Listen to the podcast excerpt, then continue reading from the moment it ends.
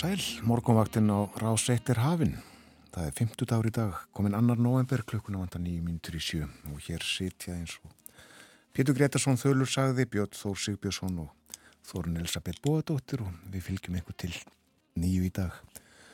Allt með hefðböndum hætti á morgunvaktinni þannan morgunin. Við hugum að veðrinu og uh, sjáum að nokkuð hefur hlínað á landinu frá því gerðmorgun. Þar sem að uh, sem staðar var uh, vel, 6-7-8 steg af frost eitthvað svo leiðist þar núna heitast í réttu með við núlið og það var tveggjast ega hiti í Reykjavík heiðskýrt og uh, hægur vindur norðan þrýr metrar á sekundu hiti við frostmark á viðratúnastöðinni á Stafóldsei og uh, blástur þar norðaustan tíu.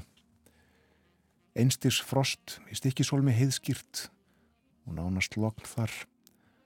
Hitti við frostmark á Patræsfyrði um tveggjastega hitti í Bólungavík 7 metrar þar. Þrjárgráður á Hólmavík einstigs hitti á Blönduósi norðan 5 tveggjastega hitti við Söðanesvita á 10 metrar þar norðaustan. Nánast lokn á Akureyri og einstigs hitti skíjað í höfustan Norðurlands. Einn gráða á Húsavík og tvær á Rauvarhöfn og tveggjastega hitti líka bæði á skjaldtingstöðum og á eigilstöðum. Gustur þar.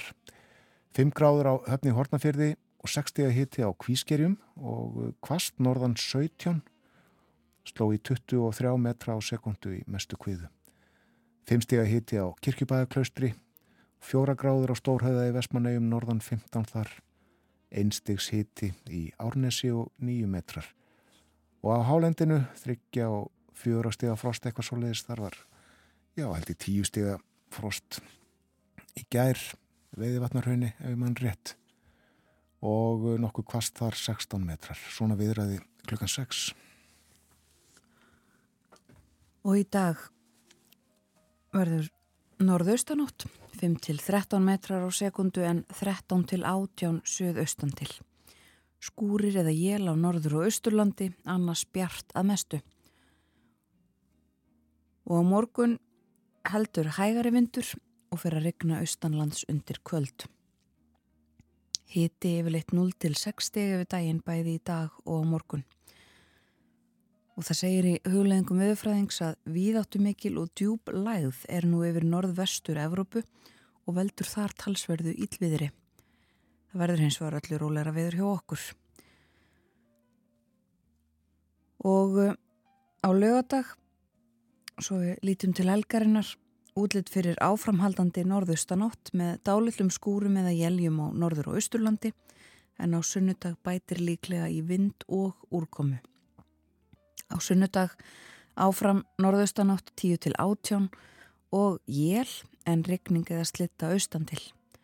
Þurftakalla um landið suðvestanvert og hitin áfram þetta 0 til 6 stig mildast siðst á landinu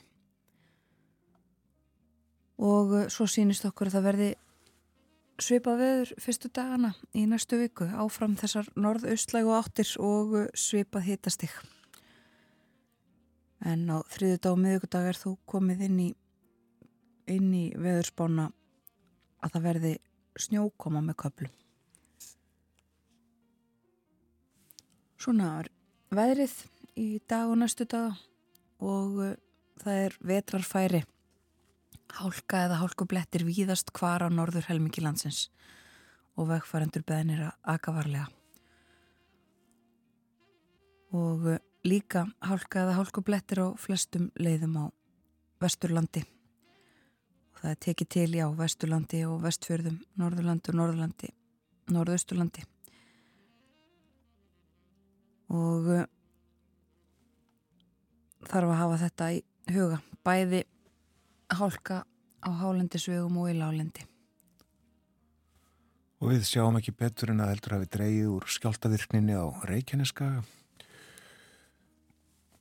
en uh, ekki þar með sagt að uh, ekki hafi mælst jarðskjáltar uh, þeir sterkustu í nótt 1,5 að stærð og tveir slíkir sínist mér á yfirlitinu hjá viðstofunni hafi fundist í nótt eða mælst allavega annar um 6, rétt fyrir 6 og hinn uh, á slæginu þrjúinút. Nú nú, ímislegt á dagskrá morgumvaktarinnar þennan morgunin. Tal og tónar, bói Ágússon verði með okkur, sest við heims klukkan, klukkan halv átta og uh, við ætlum líka að uh, tala um uh, næringuna, mat, það sem er gott fyrir okkur og hálft, annars Sigriður Ólafsdóttir verður hjá okkur eftir morgum fréttir og uh, klukkan hálf nýju verður hér sálfræðingur Heiða Marja Siguradóttir sem hefur rannsakað sjónminni. Meira en þetta á eftir. Tónlist auðvita og uh, bæði ný eða nýleg í það minnsta og uh, bísna gömul. Förum betur yfir það eftir. En það uh, komið að fyrsta lagi þáttarins þennan morgunin Já, það er John Bass og lagið Silver Dagger.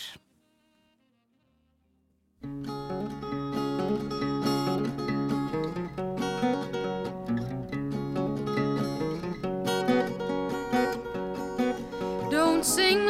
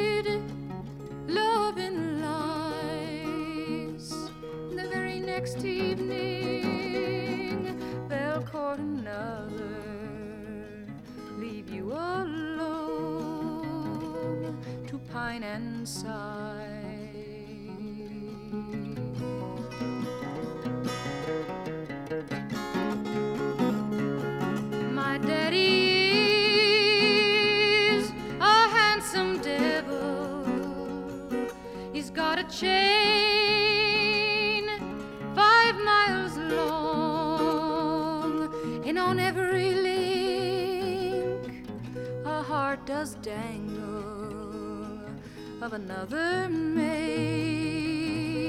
he's loved and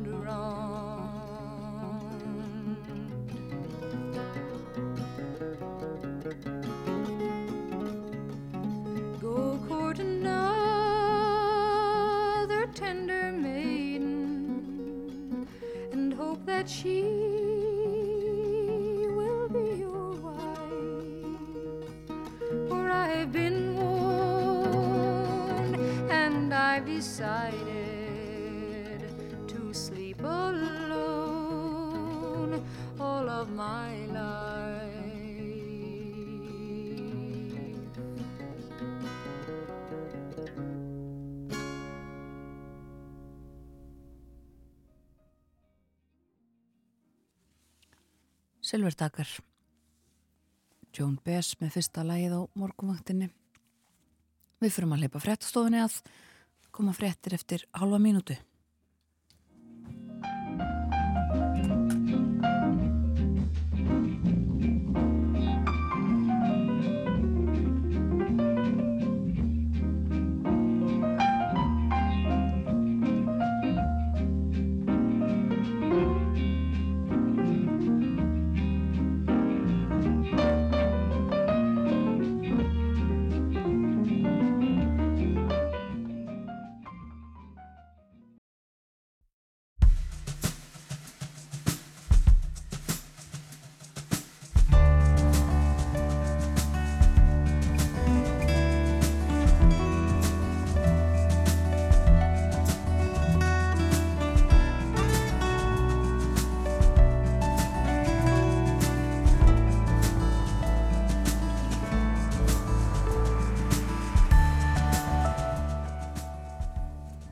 Dag.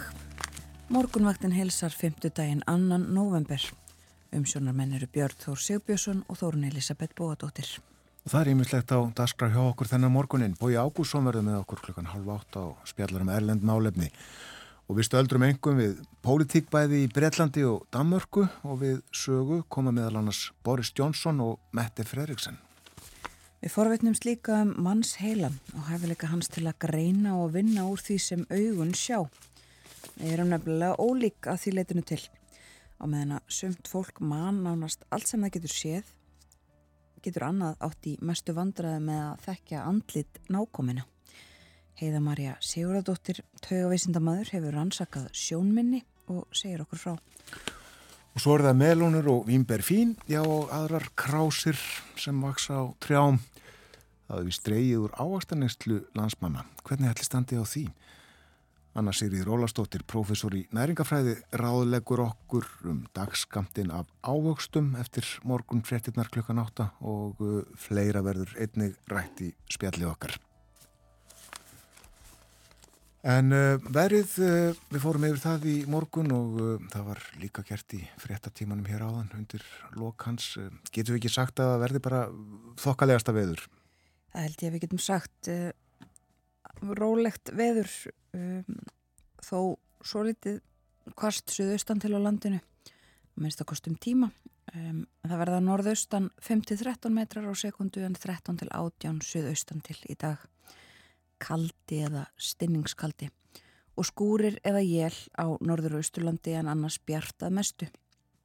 Það verður svo hægari vindur á morgun fyrir að regna fyrir austan undir kvöld hitin á bylnu 0 til 6 stig þessa daga. Svo eru áfram norðaustanáttir ríkjandi um helgina og fram í næstu viku. Og þegar við segjum að, að svona veður sé þokkalegt þá höfum við til hliðsjónar, til hliðsjónar að, að það er komin annan november. Já. En hálka á vegum víða? Víða og uh, eiginlega bara víðast hvar á norður helmingi landsins uh, og vegfærendur beðnir að akka varlega þar sem að búast má við því að það sé hálka á fjallvegum sem og á lálendi. Og þetta á við bara á flestum leiðum uh, eins og segir frá uh, já, norður helmingi landsins, frá Vesturlandi og, og alveg einlega allstaðar nema. Það eru bara grænar leiðir svona síðst á landinu. Fínt að skoða kortin uh, á þessum VF vegagerðarnar umferðin.is þar er þetta að sjá held ég nánast alltaf þessa vegi. Já. ástand þeirra. Ég held það, hvernig einasta vega spotta á landinu. Já. Við lítum í blöðin uh, og uh, að þessu sinni bæði nokkuð gömul og eins glóðvolgur prentsmiðu ekki að byrja þessu sinni á erlendu blöðunum Jú, förum aðeins til útlanda að má nefna það um, það eru mál á forsýðum bæði Danmörku og Breitlandi sem við ætlum að ræða hér á eftir við Boga Ágússon talaðum um þessi njóstnamáli í, á forsýðum uh, forsýðunni á politíkan í Danmörku. Þetta resa stóra uh, njóstnamál þar uh, sem að hefur bara fallið um sjálft sig og ég águr svona alltaf að fara nánar yfir þetta hér og eftir við skulum ekki vera staldra lengi við það. Um, á fórsíðun og informasjón í Damörku er hins vegar talað um uh, já, þetta en ekki í aðalfrettinni aðalfrettin uh, fjallar um það að því er haldið fram að Ísrael notist við uh, danskan herbúnað einhvers konar við loftárásatnir á Gaza. Og það er fórsýðu frettin um, og sömulegist það að um, Ísraelsmenn samkvæmt fleiri fleiri sérfræðingum og mannrettinda sérfræðingum uh, og samtökum um, eru Ísraelar að uh, fremja glæpi uh, stríðsglæpi. Og þetta er umfyllunarefni víðar uh, staðamála. Þarna og uh, við uh, heyrðum höfum heyrt af þessu fréttum því að fyrstu útlendingarnir og uh, serða fólkið fekk að fara frá gær þegar að uh, landamærunum við Egiptaland var uh, uh, þau voru opnuð og það var verið uh, samkvæmt fréttum uh, erlendum uh, miklir bardagar hreinlega uh, sagt orðað þannig á við Breskaríkisútusins og uh, bæði sprengingar og bjartir uh, já bjart ljós á sjóndeldar hringnum fyrir fólk á gasa Ísraelski herrin segist hafa uh, drepið tugi Hamas liða og uh, svo er líka fjallað um það að það búist við því að fleiri óbreyttir borgarar muni fara og, komast burt í dag. Það fóru 400 um landamærin í gær og búist við því að fleiri fari í dag og líka fjallað um það að það vanti heilbreyðistjónustu fyrir uh, 20.000 á gasasvæðinu bæði særða og uh, veikt fólk, það gleymist náttúrulega kannski stundum að um, það er veikt fólk allstaðar með alls konar um, veikindi sem eru líka bara ótengt þessu sem að ásér þarna stað. En uh, unnið í þeim málum í dag og uh, á bresku í breskum fjölmölum líka fjallaðum þessi máli en áfram líka uh, fjallaðum það sem að uh, efstur á bauði þar sem að er þessi rannsókn og vitna leðslur varðandi viðbröð breskra stjórnvalda við COVID-19 og það ætlum við líka að ræða í heimsklökanum eftir 20 myndur eða svo. En já, það eru áfram þessi sömu stóru mál, svo heyrðum við líka fyrir ettunum hér áðan af því sem við rættum í gær á morgumaktinni það eru þessi dómsmál gegn Donald Trump og uh, sonum hans sonur hans uh, mætti fyrir dóm Donald Trump Jr. í góðu skapi uh, saði brandara og fleiri slíkt sagt frá því erlendum fjölmjölum Þetta sem sagt er í þessu sveikamáli í New York. En sem fyrir segir meira um erlendar frettir eh, hér á eftir. Þá er það innlendublöðin, byrjum á bændablaðinu og uh, þar er í stóru fórsíðu fréttinni fjallaðum uh, riðu en uh, eins og við vitum, hefur komið fram í fréttum, greindist riða í sláturfjöð frá Stórhóli í húnaþingi vestra nú á dögunum og uh, bændur uh, stóðu þar frammi fyrir því að allt fyrir á bænum er því skorið og uh, það þá sangkvæmt fyrir reglugjær sem að þá gildi en uh, nú hefur ráð þeirra samþygt breytingatillugu yfirdýralæknis á reglugjærðinni þar að segja reglugjærð um reyðuveiki í söðfí og uh, þessi breyting ger það að verkum að uh, nú getur yfirdýralæknir lagt til niðurskurð á hlutajarðar að undangenginni arfgerða greiningu og uh, þetta kemur auðvitað til eftir að uh, þetta verndandi uh, þess, þess, þessar verndandi arfgerðir gegn riðu uppgötuðust og uh, þannig er að á Stórhóli eru kindur með uh, verndandi arfgerðir. Og uh, því binda bændurnir á stórhóli voni við að uh, ekki þurfi að skera alla hjörðina.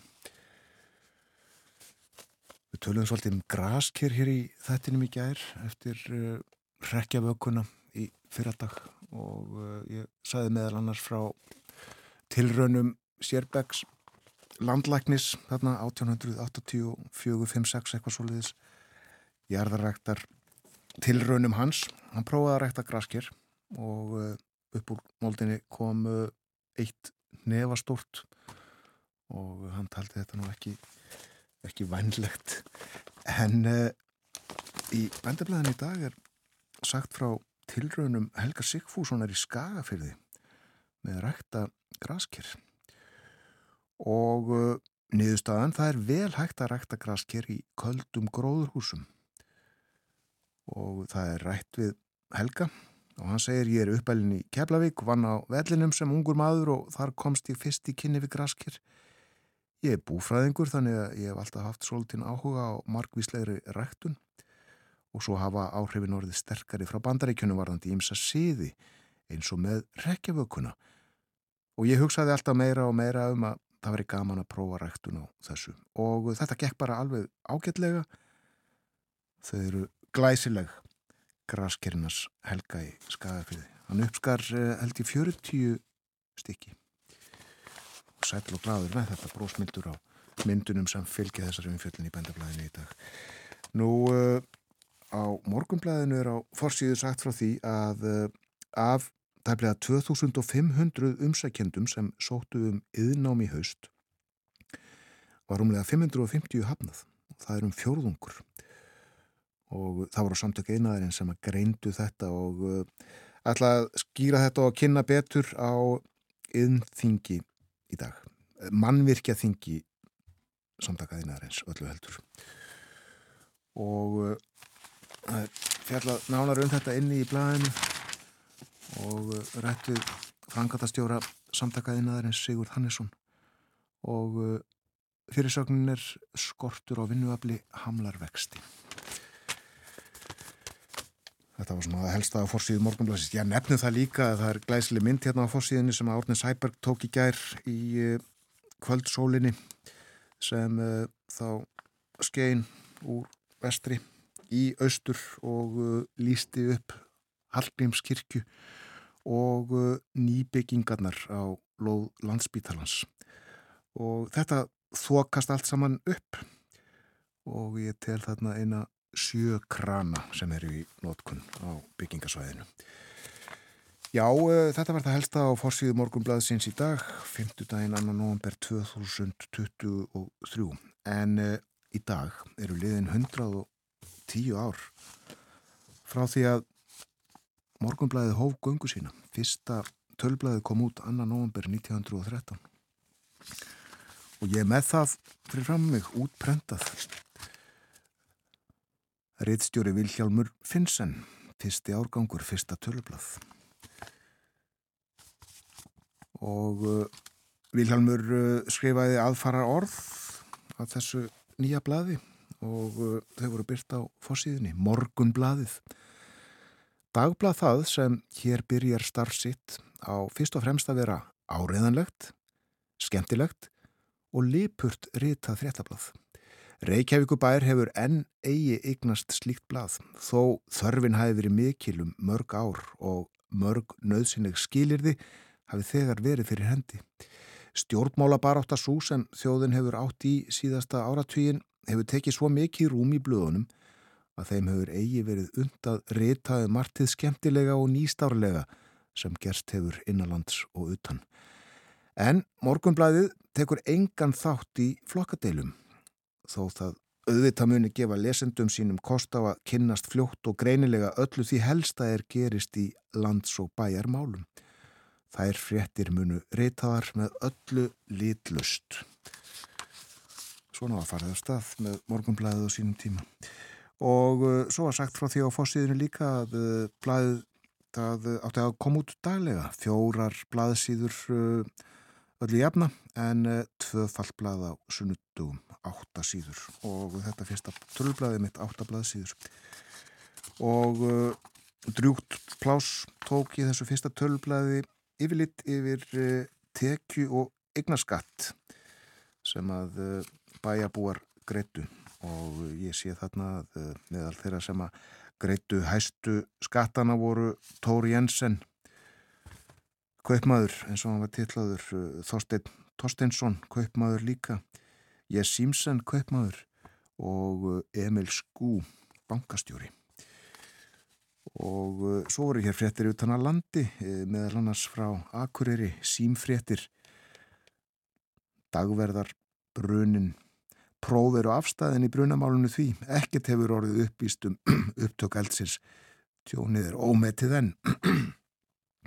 Afli engin nú Veðr átta, afsakið ég lækka hér í hljónumönum og reski mig. Veðr átta, hlákur og gott veður síðustu daga.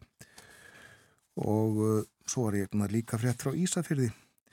Hér er rosasamt, gæftir litlar en fiskur nógur þegar á sjógefur, annars tíðindalöst og hér saði líka af einhverjum oss óþægtum ástæðum hafa engin erlend símskeiti komið til morgunbladsins. Komu engin slíki gerðkvöldi. Væntanlega að því að ekkert hefur markvert skeið. Nú það var líka sagt frá því að eh, Vestlunumannafélagið Reykjavík það ætlaði að hrista af sér mókið og uh, halda fund og af landbúnaði þingsti sögður sem skorin hefur verið í sláturhúsinu í höst var frá sér að Jóni Tostensen á Þingvöllum. Skrokkurinn 68 pund. Þeir eru löngum drjúir úr Þingvallasveitinni sögðinir. Það voru auðvitað auðlisingar í blaðinu og eh, einn hér frá Láru Sigge Lúðíksinni skókkaupmanni og hún var svona Sjáðu mángi, saði strákurinn sem mætti vini sínum er gekk haldur af skóþrengslum. Mér er ekkert illt í löpunum því ég er í stígveilum frá Lárusi. Það er líka áreðanlegt að hvergi fæst skófatnaður sem fer eins vel á fæti og það sem betra er hvergi eins haldgóður og það sem best er hvergi eins afar ódýr. Lárus er hættur að selja skó og uh, fleiri auðvilsingar voru í blæðinu og það er aðtiklisvert að uh, kaupmennir þeir uh, lögðu mikla áherslu á hver matururnar hjá þeim voru ódýrar. Matururnar hjá mér saði Tómas Jónsson eru bestar, fjölbreyttastar og ódýrastar. Ódýristu föttin eru í Veslun Jóns Hallgrímssonar við eitt Veslunin Östustræti átján selur ódýrast allra nöðsynjafurur. Og ef þér vilji spara fjö, þá kaupið þið í vöruhúsinu. Ímislega fleira í þessu fyrsta tölublaði morgunblaðsins sem að já kom út fyrir uh, sléttum 110 árum.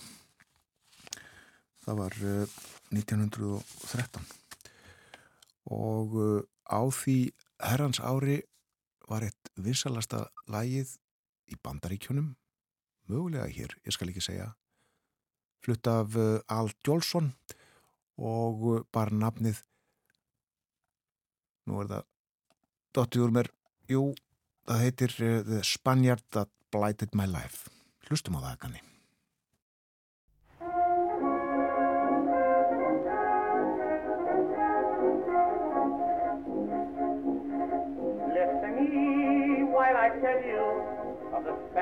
That blighted me life. Listen to me while I tell you of the man who stole my future wife. Was at the bullfight where we met him, enduring his daring display. And while I went out for some peanuts and a program, the dirty dog stole her away. Oh yes, oh yes. So tonight I will have my revenge. If I catch Antonia Spagonia, the Toreador. With one mighty swipe I will dislocate his very jaw. I'll catch the old blighter, I will. And when I catch him, the blighter, I'll kill. He shall die. He shall die. He shall die to the eyesight. He shall die. He shall die. He shall die. I'll a bunion on his Spanish onion if I catch him bending tonight. For if I catch he will wish that he'd never been born. And for that special reason, my stiletto I've taken out of pawn. It cost me five shillings to fetch it. His expense has caused me great pain. But the pawnbroker promised when I give Piccioni, you know, he let me put it in pawn once again. Oh, oh, yes. Oh, yes. So tonight there will be dirty work If I catch Antonia Spagonia, the warrior one. With one mighty swipe I will dislocate his belly, jaw, that English belly. I'll catch the old blighter, I will. When I catch him, the blighter I will, he shall die. He shall die. He shall die the eye side. He shall surely will die. He shall die. He shall die. He shall die. Oh, he shall die. Oh, he shall die. Die. Di-da-di, da-da. Di-da-di-da-da. Da-da-da-da-da. Ain't I the darn fool? If I catch him bending tonight. Aldi Álsson með uh, smell frá 1913. Við höfum nú ekki, ekki mikið eldri lög held í þettunum, ekki, ekki lengi allavega. Ætli það. En uh, þetta af sínum gæðum, sínum hljóngjæðum, seldust held ég miljón eintök að þessari plötu á sínum tíma sem að var ótrúlega mikið alveg. Aðeins að deginum í dag eftir uh, lestur á fyrsta tölublaði morgunblaðsins hér áðan engin þingfundur, uh, ekki frekar en uh, fyrir daga þessarar viku. Þingið uh, starfar ekki, gerir uh, aldrei meðan uh, Þing Norðurlandaráðs fer fram og ég held að alveg öruglega sama eigi við um þjóðþing hinna Norðurlandana líka. En uh, loga einasinni þingflóksformanni samfélkingarinnar var þess að ekki að þeirri ósk sinni að þingfundur yrði í dag þar sem að rættir þið um uh, atkvaða greiðslu Íslands á allsir að þingi saminuðu þjóðuna um uh, málefni fyrir botni miðurarhafs eins og hann fór fram á það nú sjálfgeft ef það hefur einhver tíma gest að þingfósetti hafi orðið við beðinni stjórnarnastuðumnar um að efna til þingfundar þegar ekki hefur gert ráð fyrir því. Sérstaklega ef, ef umræðu efnið er eitthvað sem að varða ríkistjórnina. En uh, nefndir þingsins funda nokkrar í dag, í mist fyrir eða eftir hátegi og uh, meðal þess sem að er á dagskrá fundar stjórnskipunar og eftirlutsnefndar er þessi skýsla ríkisendurskoðunar um Sinfoníu hljómsveitina sem að kynnt var í september. Og ég mislegt fleira á dagskrá. En uh, svo er það líka einmitt uh, þetta Þing Norrlandara sem þú nefndir, það síðasti dagurinn á því í dag. Og uh, við lokfundarins þá munu íslenskir ég er það ekki þingmenn sem að kynna þetta? Að minnst kosti verður formensku áætlun Íslands kynnt. Ísland tekur við formenskunni verður með hana á næsta ári og uh, það hefur verið greint frá því að Bryndís Haraldsdóttir þingmaður sjálfstæðarflokksins verði tilnemd sem forseti og Otni Harðardóttir varaforseti. Og uh, þetta eru það verður kosið um þetta í lok þessa þings líka Við nefnum kannski Norðurlandaráðstingið aðeins aftur og eftir, aldrei að vita en verðum að minnstakosti á Norðurlandunum. Við ætlum að tala svolítið um Danmörku þegar að Bói Ákusson sest við heimsklukkan. Njóstna skandal risastór þar sem að verði til umfyllunar. Og sumuleiðis eh, málefni í Breitlandi. Eh, það er verið að rannsaka viðbröð stjórnvalda þar við COVID og þar hefur ímislegt komið í ljós. Já, bói að koma sér fyrir hjá okkur og uh, búa sér undir að draga frá glugganum svo við getum litið út í heim. En uh, hér fyrst fréttaðið og auðlisingar og svo heimsklukkin.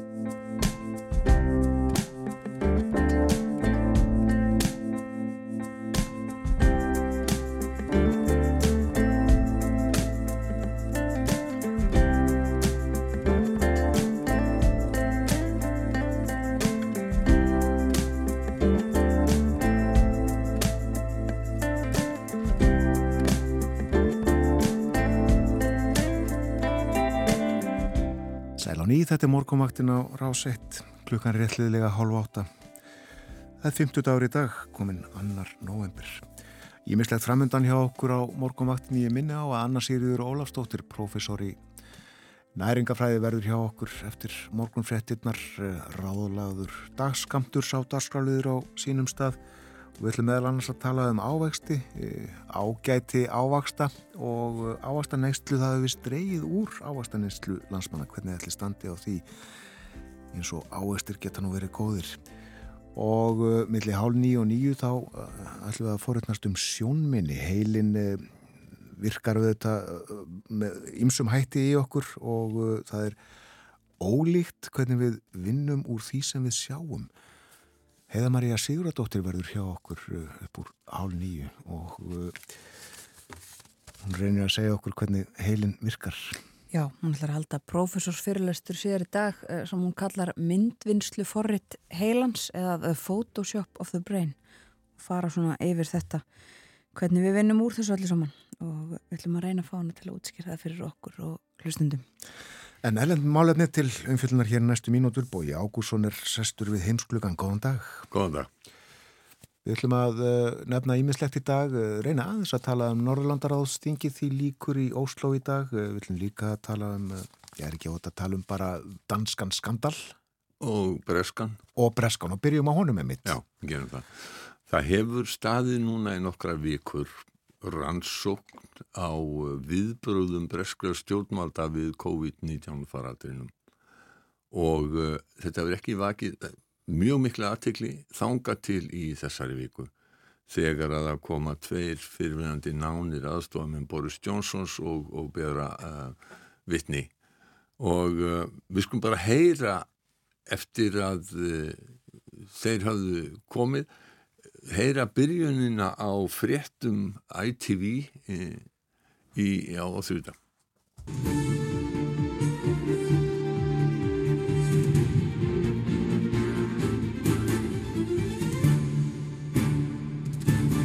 This is ITV News at 10 with Tom Bradby. Good evening.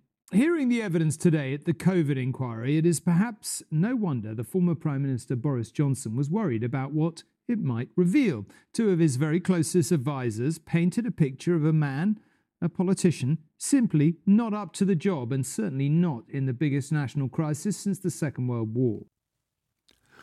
Þegar við heyrðum vittnisspurðin í COVID-rannsókninni í dag, saði Tom Bradby, sem var þauðluð þarna, er ekki að furða að Boris Johnson óttist hvað þar verði leitt í ljós. Tveir af nánustu aðstofamannum hans dróð upp mynd af stjórnmálamanni sem réð ekki við verkefni sitt og alls ekki við stærstu krísu frá lókum síðari heimstyrjardarinnar. Sko þarna komu þeir fram, um, Lee Kane, og Dominic Cummings sem er nú mun þekktari og þekktur fyrir óvarlegt orðalag bara hann er orðljótur skulum við segja. Og það liggja til grundvallar yfirlýsingar frá þessum mönnum og svo er farið þarna í gegnum ímisgögn þó ekki síst WhatsApp skilaboð og svona smá skilaboð og, og þau eru skelving það verður bara að segjast eins og er þau eru skelving. Hvað?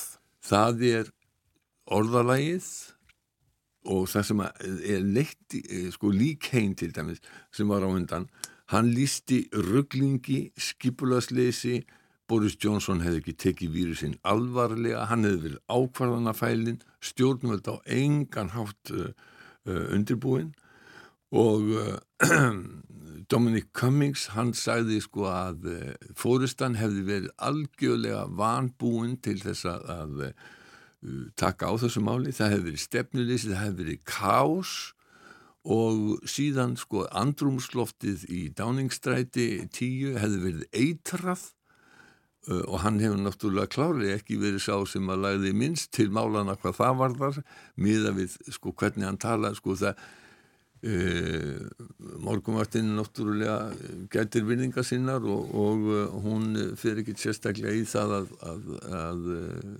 vitna orður rétt til þess að Dominic Cummings segir vegna þess að orðalagið er svo skelvilegt og svo hafa aðri verið að segja sko að þetta hafi verið sko mikil kvennfyrirlitning og sko hróki þannig að þeir, það, það er ekkert markvist og þannig er hver höndin upp á móti annari þetta er sko eins langt frá viðböðum á Íslandi þar sem að málið er í rauninni falið nefnd uh, sérfræðinga uh, sem að, sem að de facto stýrir aðgerðum Íslendinga í gegnum uh, COVID-faraldurinn. Þarna er bara það, þetta er sko þegar maður, maður kynir sér þetta maður, maður, maður finnst þetta svo ótrúlegt að, að breska kerfið sem að af mörgum var nú talið fyrirmynd breska stjórnkerfið, breskir embættismenn, það er sko svo langt í frá, þeir hefðu þurft sko svona höfnfrið þarna. En við getum uh, alveg skilið við uppnám fyrsta daginn, fyrstu dagana uh, fólk ekki almenlega með á hreinu við hvað var að kljást þarna en, en uh, þetta er ástand sem að ríki lengi, lengi, lengi. Já, þetta er ekki eitthvað sko já, nákvæmlega. Daily Star sem að ennú já, gerðist mjög frækt þegar þeir voru að fóru spurðu hvort að Liz Trust myndi verða lengur fórsættisráþur hættur en að salatblað lifði. Og, það var náttúrulega salatblaði sem að, sem að hérna lifði lengur hættur en að listas í ennbæti fórsættisráþur þeir settu á, á fórsíðu sína og ef fólk hefur áhugað þá getur það kíkt á Facebook síðu mína sem er opinn og ég byrti mynd af þessu, þessari fórsíðu uh, Daily Star. Þar sem að þeir segja sko að Gagslausir, brjálæðislegir, vanhæfir, tilgangslausir og umgunnaverðir trúðar sem að hugsuðu bara um að skara eldað sinni eigin köku. Þetta eru ráþærar í, í ríkistjórn uh, Bretans, segja þeir, við býðumst afsökun á því að hafa kallað á þetta. Þetta var svo miklu, miklu, miklu, miklu, miklu verra. Fimm sinnum segja þeir miklu verra. Já, hérna. Og uh, þannig að þetta er bara seint með ólíkindum. Uh, Pólitísku rittstjóri uh, ITV uh, ITVF sem er uh, stærsta sjálfstæða eða engarekna stöðin í Breitlandi Robert Peston hann var í stúdíu innkomu þetta á þrjúðarskvöldið og uh, þar uh, rættu þeir hann, Tom Bradby og, og hann um, um þetta og Við skulum heyra af því sem að, sem að Peston uh, sagði. For me, way more shocking is the sheer incompetence of so much of government. It took to March the 23rd to lock down a catalogue of not preparing when it came to things like you know, testing capacity, PPE capacity. I mean, my God, you know, the incompetence was appalling. And it brings, as I said, it may, it's damaging, obviously, for Boris Johnson and the Tory party, very damaging for the perceived competence of government more broadly. Um, þú heyrir sko fyrirlitninguna í röddinni þannig að sheer incompetence. Já, bara tær vanhæfni. Algjörlega. Og hann sagði þarna sko, fyrir mér er sko, já, algjör vanhæfni að vangeta stjórn, stórsluta ríkistjórnarinnar og það var ekki fyrir 2003. mars sem að þeir uh, lókuðu samfélaginu og, og gripu til uh, al almenlega ráðgjafa og það, hann, benti á að það væri langur listi af hlutum sem ekki voru undirbúinir eins og að skima fyrir veirunni uh, finna til varnarbúninga fyrir heilbriðistarfsfólk og svo segja hann, guðminn góður, ráðleysið var skelvilegt. Þetta skemmti stjórn Borisar Johnson sem hefur einnig dreyð út tiltrú almennings á stjórnmöldum almennt. Þannig að, já, þetta, þetta dregur bara upp mynd af ríkistjórn sem að vissi ekkert hvað hann var að gera, vissi ekki sitt rjúkandi ráð. Það var ólga, órói og sko, nývar á lofti og hendi í, í hérna, menn, menn stungnir í, hérna, í bakið. Og eitt af því sem að Dominic Cummings eh, skrifaði, hann skrifaði sko, um, um hérna, Helen McNamara sem var uh, aðstóðar uh, ráðunitistjóri í fósættisráðunitinu og hann skrifaði sko, þú veist ef að hérna, verður ekki þakka niður í, hérna, í þessari kettlingu, getum við sagt, og svo nota hann sko, ennþá ljótar orð sem við förum ekki með hér, þá það hérna sjálfur og drega hana út uh, og hún kom akkurat í gær og uh, var vitni fyrir uh, þessari nefnd sem er rannsakamáli og var nú ansi miklu penni og ekki eins orðljót og, og var bara alls ekkert orðljót eins og, og Dominic Cummings uh, hafi verið. Og hún sko lísti nákvæmlega þessu sama. Að það hefði verið eitrað andúpsloft í dáningstræti 10 og þar hefðu menn vegið hver annan í orðum.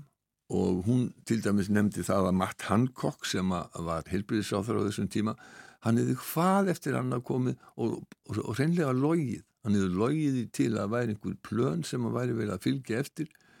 Og uh, við skulum heyra að í Helen McNamara þar sem að hún er að, er að uh, lýsa uh, því sem ágekk I would find it hard to pick a one day when the regulations were followed properly inside that building. And I know that because, as I've said in my statement, there was one meeting where we absolutely adhered to the guidance to the letter, and that was the cabinet meeting, and everybody moaned about it. Uh, hún sagði þarna að uh, það hefði ekki líðið einn dagur að uh, COVID-reglur hefði ekki verið brotnar í dáningstæti 10. Jú, hún nefndi einn dag og það var þegar það var uh, ríkistjórnafundur og allir hefðu kvarta sárlega við því að, að reglunum hefði verið fyllt alveg út ná, bókstaflega. Mm. Um, og það var líka, hún var líka spurð út í, í þessa kvennfyrirlitningu sem hefði verið þarna og hún rætti aðeins um það. The fact that there were no women contributing to the policy discussions problem in itself because there were some expert women who weren't being listened to and also women were being looked over.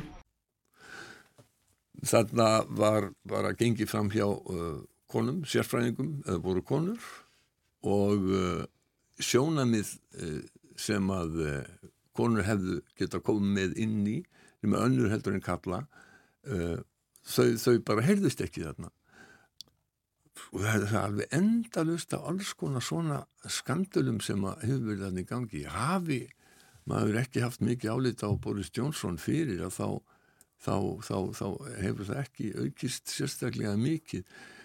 Eitt af því sem að, að Dominic Cummings sagði og í rauninni kemur fram í máli fleiri er það að hann var algjörlega stefnurus, hann var eiginlega sammála síðasta ræðumanni þess vegna uh, þá uh, líkt, uh, hérna, líkti, ég held að það hafi verið Cumming sem hafi líkt honum við stjórnlösa innkaupa körfu í, í stórmarkaði sem að svona, þeittist á milli innkaupa hyllnana og, og Matt hinn frábæri teiknari í, í Telegraph hann gerði sér mat og þessu það sem hann teiknaði innkaupakerfu sem að var á, á, á fundi hjá lögfræðingi og, og lögmaðurinn segir hann að já, þú vilt sem sagt fara í mál út af því að vera líktu Boris Johnson.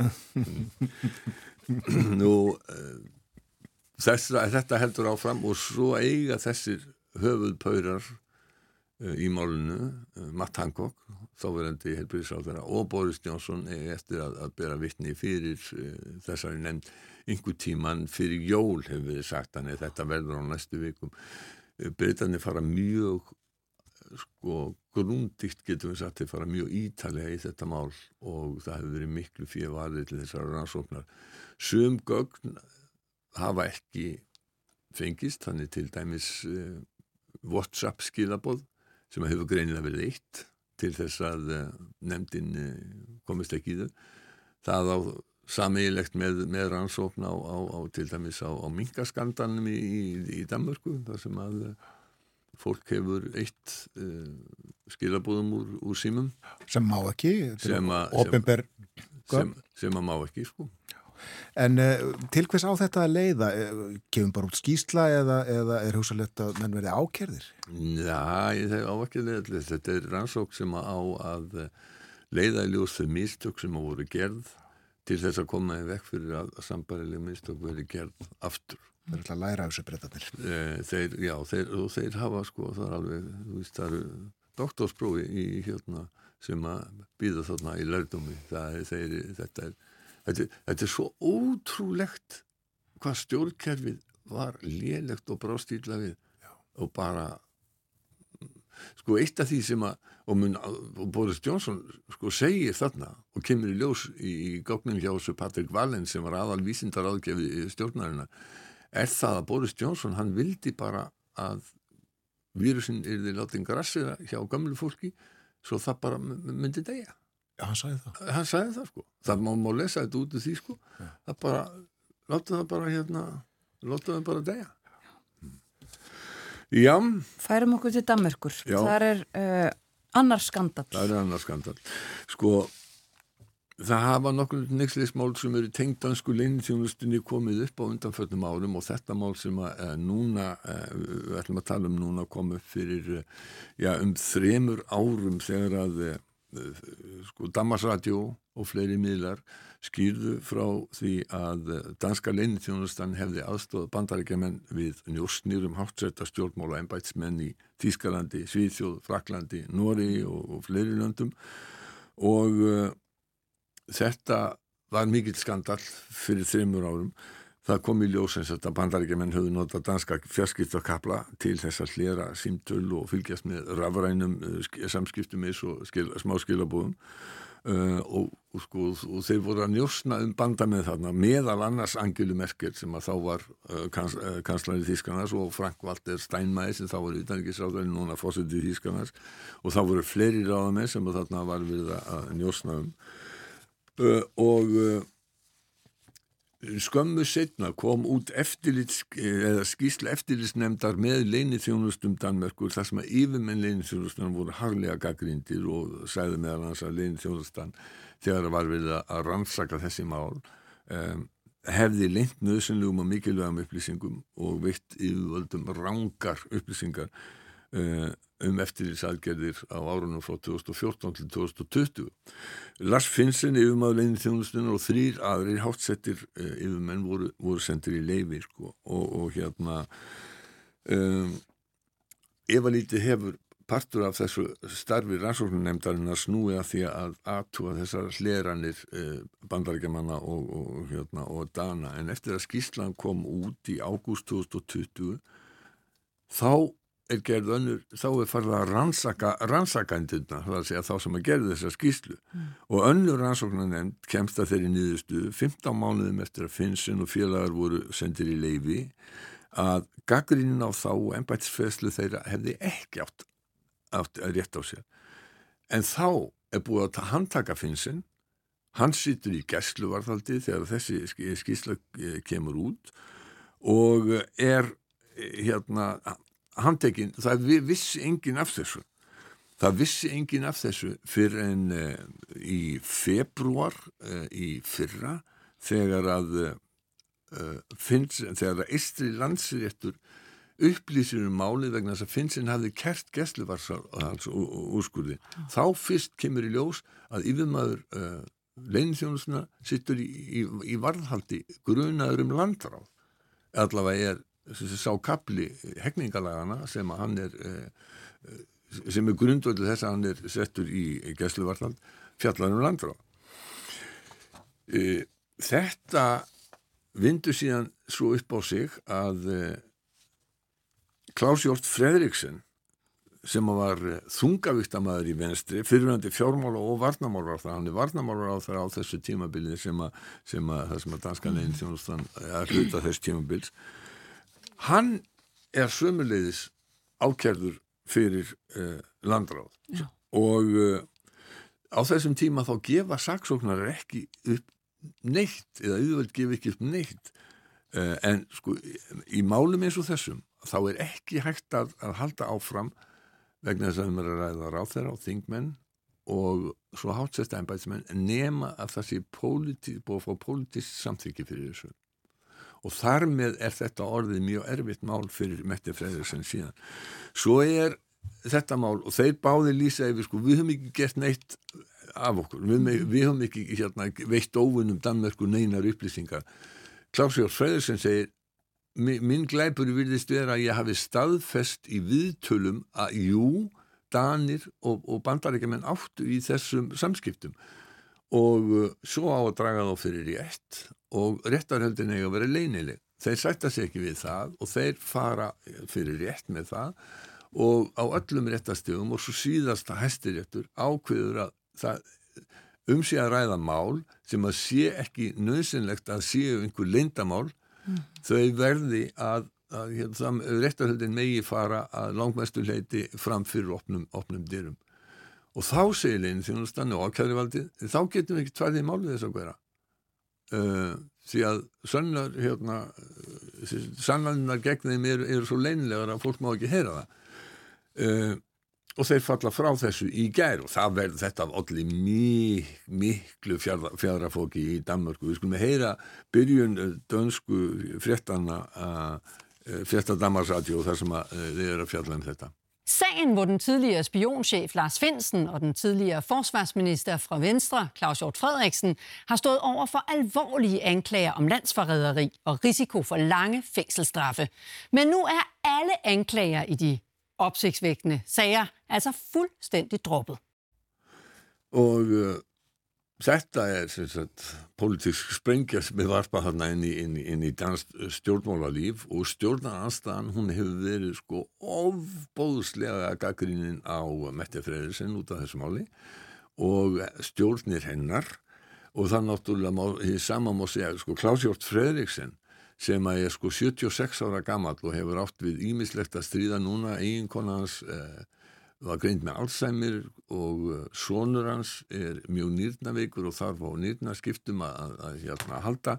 Þannig að hann hefur alveg nóg að gera í sínu prívatlífi að hafa þetta ofan, að sig eh, hann sagði stuttlega í, i viðtali við Damarsradio í Gæðurskum í hann Nu har jeg jo i et par år levet under øh, anklage for at være nærmest landsforræder og, og med en straframme på 12 år, så er det selvfølgelig en, en lettelse, at øh, nu er det fjernet fra en.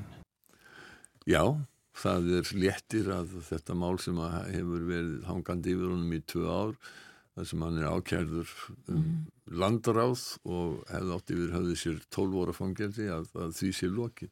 Það eru svipaði fyrirsagnir í Danmörku og í Breitlandi bara hrein vanhæfni og, og já.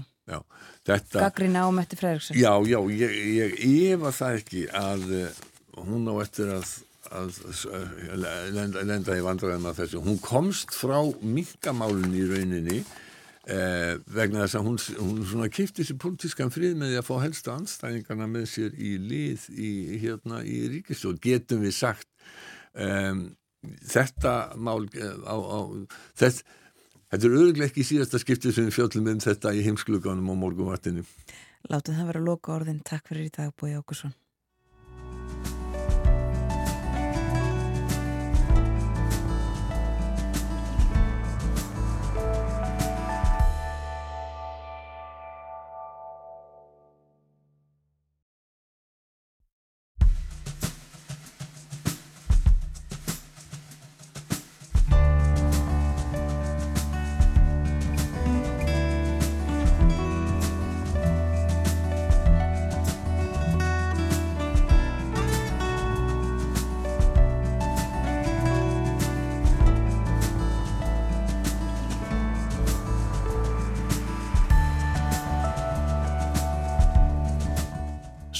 Ný þegar það hlusta á morgunvaktina á rás 1, klukkan er farin að ganga nýju, það er 50 dagur í dag, komin annan november. Rættum heilmikið um pólitík hér áðan eða já, þetta er náttúrulega hluti af pólitík uh, Já, ákvarðanir og já. ráðamanna. Já, Boris Jónsson, skrítin skrúa. já, uh, COVID rannsókn í gangi í Breitlandi um, og hann var auðvitað í fórsættisráðanettinu á þessum tíma um, og verið fjallað um þetta síðustu daga og myndin sem er dregin upp uh, eins og kom fram þannig bara af uh, manni sem reyði ekki neitt við neitt eða. Svo var Mette Freriksen líka til um fylgumar. Já, eh, hún líka sökuð um vanhæfni og uh, hún haf ekki, já hún og hennar stjórn og, og stjórnvöld eftir að þetta stóra mál uh, landráðamál gagvart uh, yfirmanni reynþjónustunar og, og uh, ráðherra og fleirum uh, var fælt niður í ger þetta mál líklegt til þess að draga dilka eftir sér Minnum á að uh, hér uppur hálf nýju ætlum við að fjalla um mannsheilan, við ætlum að fjalla um uh, sjónminni. Já, mynd... Nýjum rannsóknum. Já, myndvinnslu forrit heilans er það sem að Heiða Marja Siguradóttir, professor við Sálfræðatilt Háskóla Íslands, kallar þetta sem hún er að rannsaka um, sjónina sem skilningavit og hvernig við notum hana, hvað gerist í heilanum þegar við sjáum og kannski líka fyrir þau sem sjá ekki. Meirum þetta hér upp úr klukkan hálf nýju En, en uh, nú ætlum við að fjalla um uh, næringu og uh, mat Anna Sýriður Ólafsdóttir, professor í næringarfræðið er komin til okkar í dagskráliðin Ráðlaður dagskamtur Góðan dag og velkomin. Góðan daginn. Við ætlum að tala svolítið um ávexti hér á eftir eins og við nefndum í kynningu í morgun en eigum að byrja að tala um þessi fallegu graskir sem að fjallað er um í bændablaðinu í dag. Og sagt frá ræktun Helga Sigfússonar í Skagafyrði á graskerjum graskerinn sáust jú víða núna fyrir vikunni. Já, þetta er ótrúlega skemmtilegt að sjá þessa tilröna ræktun hérna á Íslandi í Skagafyrðinum og hérna það er akkurat svona var einblástur að viðfangsefni dagsins í dag er þessi svona graskerja sínileiki og Þarna, og, og svo er náttúrulega mandarínu tímin að, að detta inn. Alveg rétt. Þannig að þarna, þetta er, þetta er góðsinn tíð í tengslu með ávistu. Ef við hugsaum bara svona kannski í svona þessu samhengi eins og eppli voru jóla eppli hér áður fyrir og svona. Þannig að haustið er svolítið ávasta tími þó okkur sé kannski tamar að hugsa um sko eins og berinað voru og annað. Þá eins og á Norðurlöndunum er talsverður uppskýru tími á ákveðnum berjum líka að hausti og eins og hjá okkur bláberina hausti þó það sé búið núna Já. að taka aðrir ávisti við. En ávistirnir eru okkur að deyta þessu sem að sko er svolítið sláandi að ef við horfum á síðustu landskönnun á mataræði að þá tekst okkur engan veginn að fylgja ráðleikingum og, og neysla á ávistum og berjum og það er yfir tekið saman ávistu og ber hún hefur bara eiginlega hrunið, hún fór nýðum um 18% frá 2010 til 11 til 2019 til 21 og niðursveiflan er mest hjá ungum konum. Það er bara ekki einn einasta kona á aldrinum sem sagt 18 til 39 ára sem er yngsti hópurinn í landskvörnum sem nær ráðleikingunni sem eru þú veist 2 til 3 ávistir á dag eða kringum 250 grömm. Og hvernig stendur á því? Það er, það er spurning, það var ekki rannsakað, en það sem að veltir auðvitað fyrir sér að það er annars við að sko eh, mikil tíska áláð kolvetnamataræði og þá eru ávistirnir eru auðvitað sigur ríkir og kolvetnaríkir. Og svo hefur í gegnum tíðina og það var kannski meira fyrir svona 10-15 ára síðan hræðsla við ávasta sigurinn eða frúktósan. Mm og, og, og það svona kannski speinst upp frá upphafla umræði í tengslum við hérna háfrúktósa hérna mægister sírópið sem er notað í góstrykkjum Erlendis, hérna notaðum vennilegan strásikur. En líka ef við horfum á strásikur þá er hans sam samsettur, hann er tvísigrað þar sem helmingurinn er frúktósi eða ávistasigur og helmingurinn glúkósi og þá spunnust upp í raun og voru mjög mikla svona eh, vangaveltur um hvar læju þessi mörg, hvar er orðið sko hættulega mikið af frúktósa og það er aðalega því að frúktósin fer í gegnum annað efnaskipta ferli sem ætti að geta verið fyrir söpnunar örfandi. Það er öðruvísi svona lúpa í því heldur en glúkósuna sem þá líka hefur áhrif á settustjórnun. Þannig að þetta er svona hlut af þessu og svo má þetta velta fyrir sér verðlæginu. Ávistir eru bara, og sérstaklega við kannski horfum á berin sem eru nú vinsæl sko, að þá er þetta spari fæði í staðin fyrir að vera eðlilegu hlut af hverstegin. Það er svona svolítið sorglið þróun. Tölum aðeins meirinn um það og eftir, en, en fyrst aðeins með frúktósan, hann hlýtur að vera misjafn eftir tegundum eða hvað? Jú, hann er misjarn eftir tegundum en, þarna, en, en svona í það heila að þá okkur dættum við kannski ekki að vera að einblýna á ávesta sigurinn sem slíkan því að áveistir eru náttúrulega sko og það er sérstaðan að, að mikill munar á því hvort þú ert að borða heilan ávöst eða ert með ávasta safa og svo allar þessar ávasta vörur sem er kannski búið að blanda í svo meiri sigri.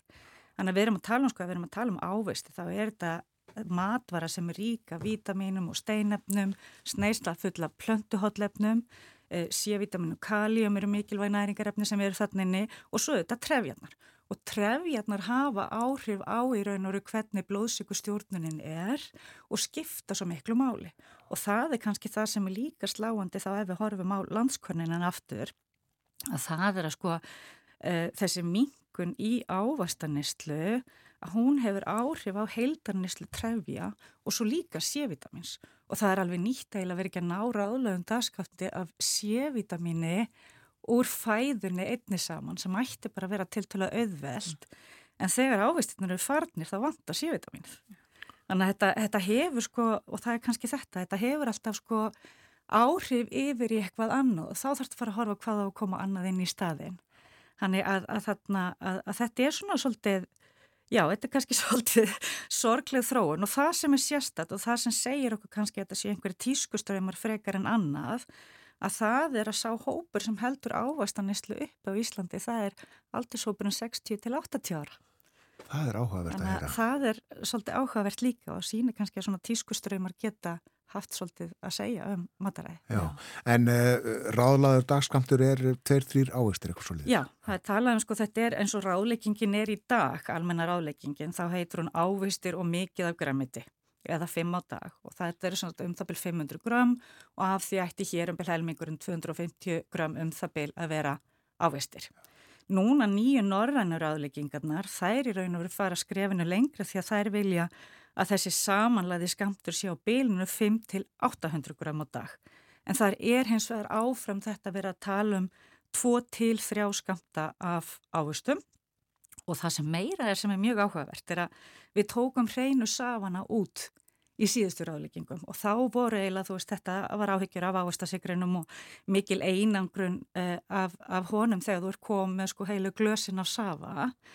En nýri rannsóknir er að sína að, að það er svona ulaga kurva, það er að segja það að drekka alls ekki safa getur líka verið neikvægt, það er að segja að þetta er þessu svona hóf stilta, bara eitt lítill desilítri, þetta er bara svona penn lítill skamtur og þetta er hugsanlega, eftir að koma ljós hvort þetta fer inn í nýju íslensku ráðleikingarnar þegar þær verða mótaðar, en það er að segja að þessi svona hófstilta neysla af hreinum safa, þar sem það ávast að kjötið með þess að trefjarnar skilja sér líka, hefur jákvæð heilsufarslega áhrif. Já. Og þarna höfum við líka, það er mjög áhugaverð grein sko í American Journal of Clinical Nutrition sem að byrtist núna í april á þessu ári.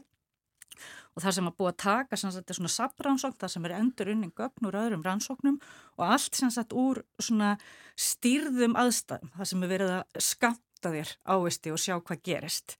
Taka þá af þér eða bæta þeim inn. Og þetta nær til sem sagt yfir 10.000 þáttakanda 169 tilraunir og horta á orkujafvægið og þingdastjórnuna sérilæga þegar hún verðist vera það sem kannski hræðir fólk helst.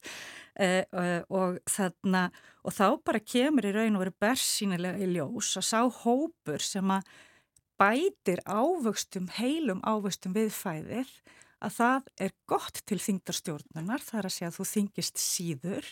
Og þarna koma líka inn sem er mjög áhugavert að það er að segja þessi hófstilta neysla af hreinum söfum hefur jákvæð áhrif og meðan ef það verður of mikið þá er það orðið neikvægt af því að þá er þetta orðið svo mikil sigur og hitt er sem sagt þurkuð ávistinni koma líka vel út og það er meðal annars að því að það er bara svo mikið að trefjum per einingu og það er hér um vel ekki hægt að borða yfir sig á þurkuðum ávistum því að þeir eru svo dísætir. Uh, og svo er hunangarninni líka.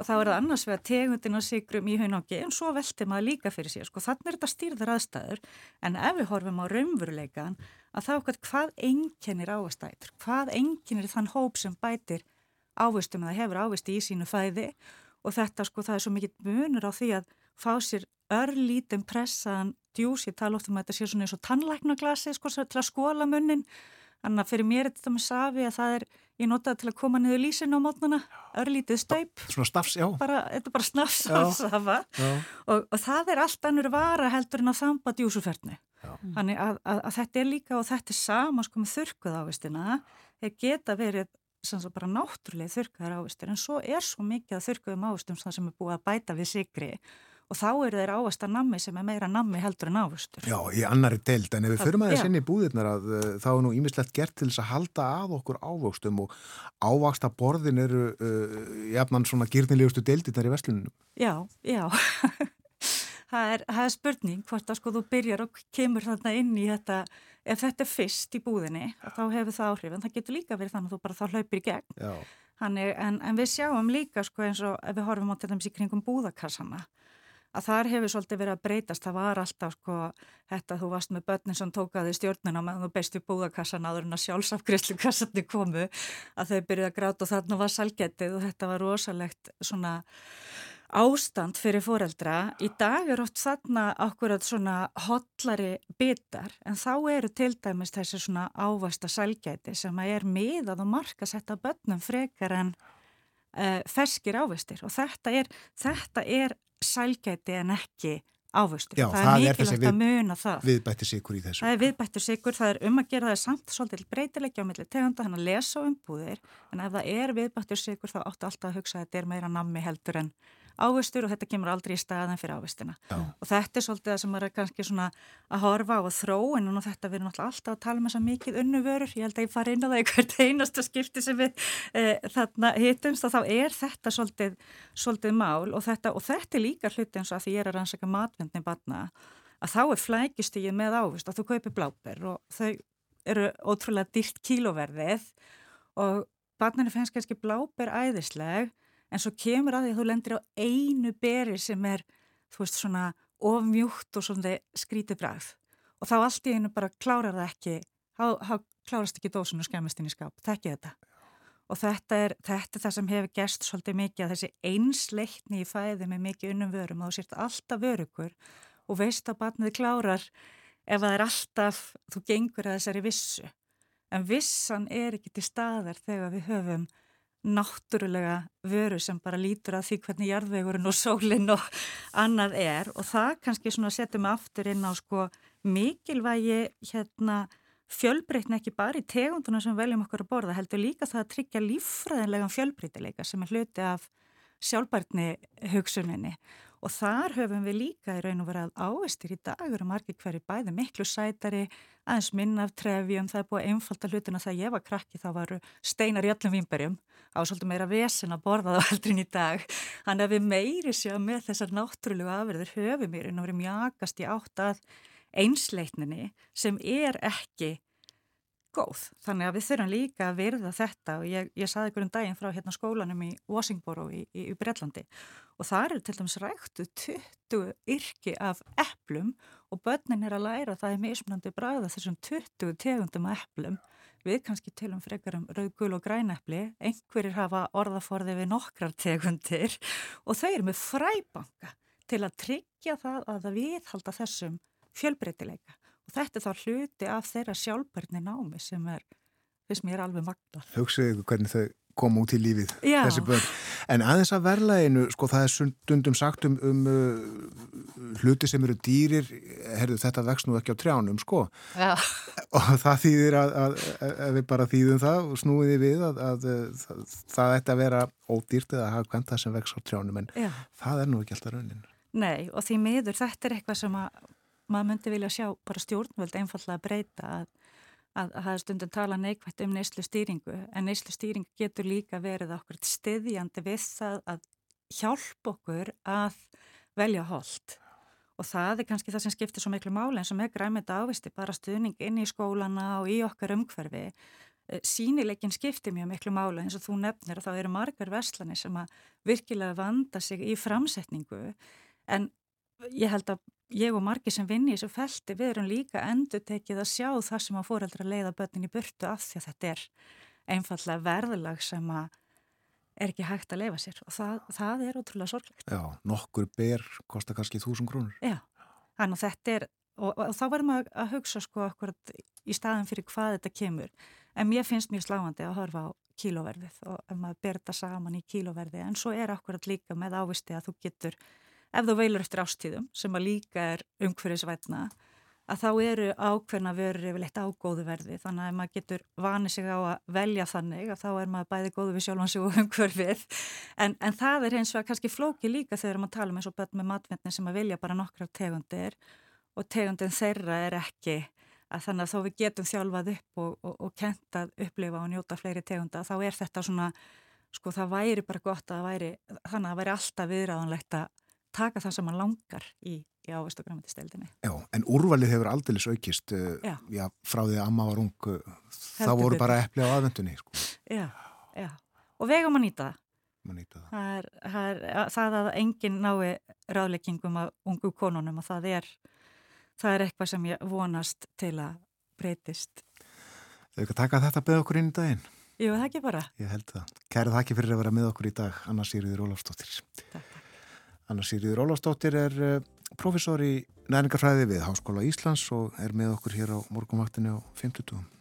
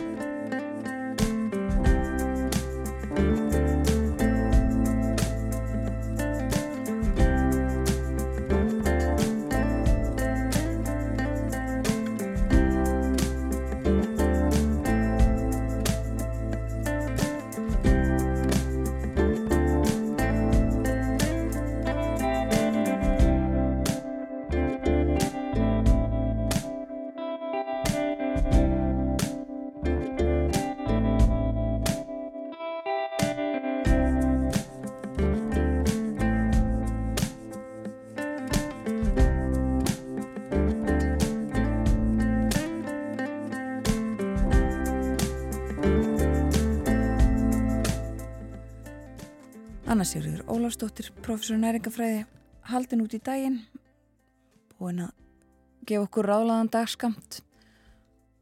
Það voru ávextir sem voru til umræði í dag. Við borðum ekki nógu mikið af þeim og uh, það hefur alls konar áhrif. Ávextir eru stúdfullir af næringarefnum. Mögulega er það hræðsla við ávasta sigurinn sem hefur þarna sitt að segja. Eigum að borða 2-3 ávegst á dag. Já, það eru helst ungar konur sem að, að ekki fara eftir þessum ráleggingum. Já. En uh, næsta dags frá morgunvaktarinnar er yfirlitt frétta frá fréttastofunni. Svo ætlum við að tala um sjónræna aðtegli, sjónina, þetta mikilvæga skilningavitt og það hvernig, hvernig hún virkar, hvernig heilin tekur á móti öllu þessu áreiti sem uh, við fáum við það að sjá og hvað við gerum við það. Heiða Marja Siguradóttir Taugavísindamaður er profesor við Sálfræðild Háskóla Íslands og hefur rannsakað þetta og kallar þetta myndvislu fórið heilans, þetta ferli allt saman hann ætlar að segja okkur frá því hér eftir nokkra mínútur.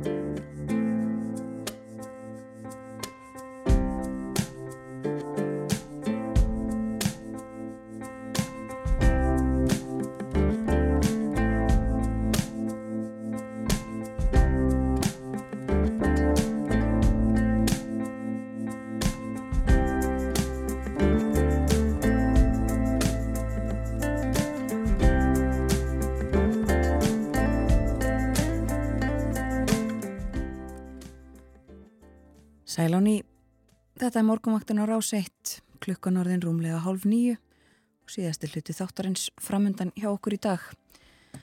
Fyrir frettæfiliti réttum við önnu Sigriði Ólafsdóttur, ráðlaður dagskamtur af næringafræði var til umræðu eins og yðurlega á 50. smórnum hún talaði um ávexti við okkur í dag. Ávextir uh, eru hollir og góðir en við uppfyllum ekki viðmiðin sem sett eru, við borðum ekki nógu mikið af ávöxtum. Og þá einna helst við um ungar konur og fólki sem að ber uppi ávakstanistlu landsins er uh, fólk á aldrinum 60-80 ára held ég hún hafi sagt. Og uh, eigum að borða 23 ávakst á dag. Og það er búið að breyta ráleggingum og rannsóknir að sína það. Hreitn ávakstasafi er ekki slæmur hann er góður. Ef hann er í hóflögu magni og ef að aldin kjötið fylgir með. En fyrir morgun var hérna líka hjá okkur Bói Ágússon það voru tveir pólitískir skandalar í grannlöndum okkar sem voru til umræðu. Annars vegar í Danmörku og hins vegar í Breitlandi í Danmörku er það leini þjónustu njóstnamál mál gegn uh, hátsettum og hæstráðendum sem að var látið niður falla í gær uh, þeir voru sakaður um landráð Mætti Fredriksson uh, harðlega gaggrind og hennar stjórn í Danmörku. Og sömuleiðis Boris Jónsson fyrirverandi fórsetisráðara í Breitlandi dregin upp mynd af honum í COVID-rannsókn og vitnaleðslum í Breitlandi sem er ófögur. En eins og við hefum nefnt fyrir morgun þá ætlum við að tala um sjónina næstu mínúturnar. Sjónræn aðtikli uh, og það svona hvernig við sjáum hvað gerist uh, í heilanum. Heiða Marja Siguradóttir, profesor við Sálfræðadelt Háskóla Íslands hún fæst við þetta, skoðar þetta og rannsakar og uh, ætlar í dag að halda profesors fyrirlastur á helbriðisvísindasviði um þetta hún kallar þetta myndvinnslu forri teilans eða The Photoshop of the Brain og hún er komin hingað til okkar á morguvaktina Góðan dag og velkomin Heiða Marja Þakka ekki alveg fyrir. Við vitum það að sjónin er mikilvægt skilningavitt og við flest sjáum, sjáum mis vel en notum sjónina mikið en við kannski förum ekkert öll neitt mikið lengra en það. Við, við vitum ekkert nákvæmlega hvað er þarna bakvið og hvaða er sem að gerist. Og nú er það spurningin bara hvar við ætlum að byrja. Uh, hvar bara hvað það er sem að gerist í heilanum á okkur þegar við sjáum, er það kannski aðeins svo stór spurning? Það er bara stórkostlega góð spurning og það er það sem ég er að reyna að finna út og er búin að vera fast við í næstu í tvo áratöyu ætla að halda áfram. En sem sagt þetta er nefnilega mjög góð pæling hjá þér að það er eitthvað sem við tökum bara sem sjálfsögum hlut að sjá svona flest og við hugsaum ok, hvað er að sjá? Já, það er eitthvað sem gerist í augunum. Og vissulega er það það er fullt af hlutir sem gerist í augunum. Augun er í rauninni ótrúlega góð tölva sem er að reikna alls konar út fyrir okkur hvar, hvar hlutir eru hvar er byrt, byrta hvar er hvað er myrkur og svo eru nemar í augunum sem að nema mismöðandi liti og svona en lang flest fer fram í heilanum og heilin er mér gífilega upplugt myndvinnslu forrið til þess að bara finna út úr því hvað í óskupunum er að gerast í heiminum, hvað er fyrir framann okkur, hvað er eitthvað sem við þurfum að veita aðtegli, hérna, hvernig getum við þekkt það sem við sjáum til þess að geta bara sint daglegum störfum og okkar lífi. Og þetta er eitthvað sem að, sko, að því að sjónin er svo ótrúlega stert skilningarvit hjá fólki þá er þetta jafnvel eitthvað sem að sko gerist alltaf mikið á bakvið tjöldin þannig að við erum ekkert eitthvað ótrúlega mikið að pæla í þessu.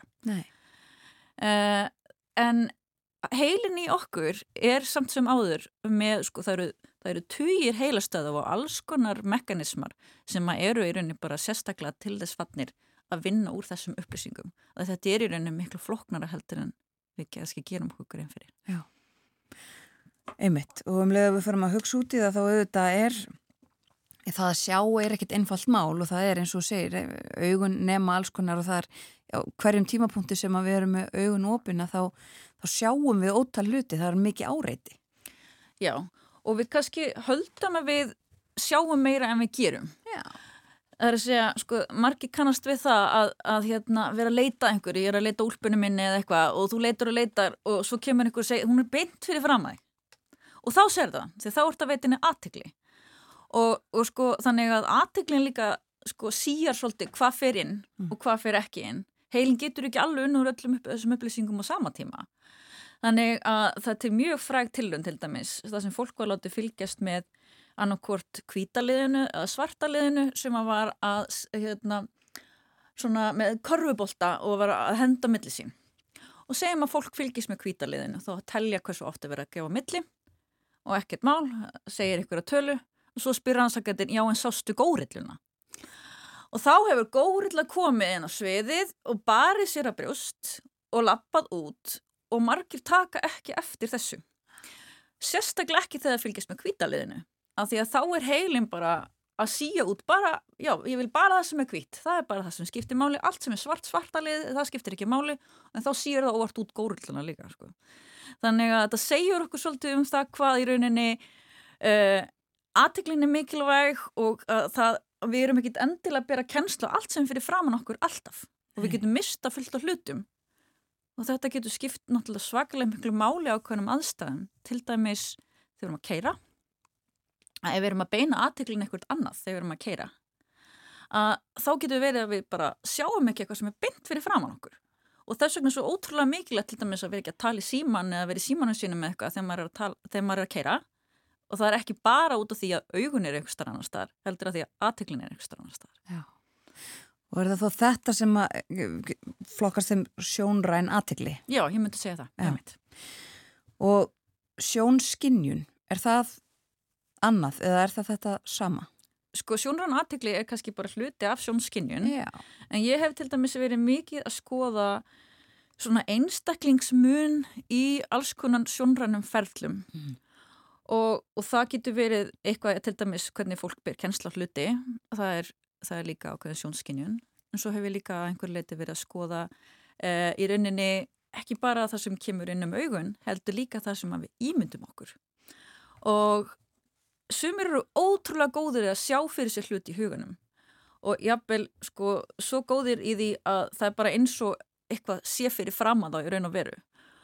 Og ég hef svona, þó að ég hef ekkit beinleins verið að skoða það þá, þá held ég að það sé frekar líklegt að sumt fólk sem telur sér sjá til dæmis drauga, álfa árir og alls konar að sé með mjög stert sjónrænt ímyndunar afl uh, en svo er til fólk sem er alveg á hinum endanum. Já. sem er með það sem við köllum hugssýna stól eða afantasíu og það er henni sér ekkert fyrir sér í hugunum. Og það er svona það er ekkert óbúslega langt síðan að fólk fatta að fólk getur verið svona frá náttúruna hendi. Að því að það er mjög erfitt að, að skilja hvernig, hvernig virkar heilin í þér hvernig virkar hugurinn í þér miða við hvernig, hvernig ég upplifi heiminn. Og það er ekkert, ég get ekki allavega eins og komið, ég get ekki farið inn í þinn heila og þinn huga og upplifa heiminn í gegnum þig. Þannig að ég veit ekkert hvernig, hvernig einhver annar ímynda sér eitthvað. Uh, en svo sem sagt getur fólk líka mist að hæfileika eftir heilaskaða til dæmis. Og var kannski mjög gott í að sjá fyrir sér hugunum en getur síðan eftir að lendi einhverju, einhverju slissi áfalli mist þennan hæfileika. Og, og þetta getur verið sko sérstaklega fyrir fólk sem að uh, var svona með mjög sterkast sjónar ímdun, þetta getur verið eitthvað sem að þeim finnst óbúslega erfitt að missa. Þannig að það er fólk, vitum við hvað það er margt fólk sem er, einmitt, er það þá bara þannig að ég beð viðkomandum að ímynda sér penna og það kemur bara engin mynd af penna í hugun Já, það kemur bara engin mynd af penna Já. það þýðir auðvitað ekki að, að get ekki hugsað um penna en það er þá kannski meira bara eins og hugtæki penni Já. það er eitthvað sem skrifar og það getur vel verið, sko sumir eru líka með uh, sumir eru alveg sko blindir og öllskilninga veit það er kannski getur ekki heyrt rattir í hugunum og, og neitt svo leiðis en sumir eru kannski með sum skilningavit og ekki önnur skilningavit þannig að og, þannig að sko þetta getur verið stundum svolítið sérhæft og, og sjónskynjun getur líka verið stundum svolítið sérhæfð. Það er til dæmis búið að mikið að fólk er mikið búið að rýfast um það hvort að sé einhver sérstakur hæfileiki og alveg sérstakur búnaður í heilanum sem að sér um andlitskynjun Já. Uh, að því að sko andlit er náttúrulega mjög sérstök fyrirbæri, þetta er mjög félagsleg fyrirbæri. Þú þarfst að geta þekkt uh, vindin frá óvinniðinum og hérna og þú sér líka alveg sko mörg þúsund andlit örugla í gegnum æfina og þau eru öll frekari, frekar lík. Við erum öll, eða lang flest með tvö augu og nef og munn. Þannig að þetta er unni ótrúlega erfitt sko erfitt verkefni. Og sumir eru ótrúlega mannklökir og mér finnst áhugavert til dæmis að, að hérna lögreglan út í heimi hefur verið að nýta sér svona ofur mannglögt fólk ráða það í vinnu til dæmis til þess að sinna því að bera saman skilríki við, við manneskjur eða vera að skoða hérna til dæmis svona öryggismyndavilar og, og, og svo framvegis.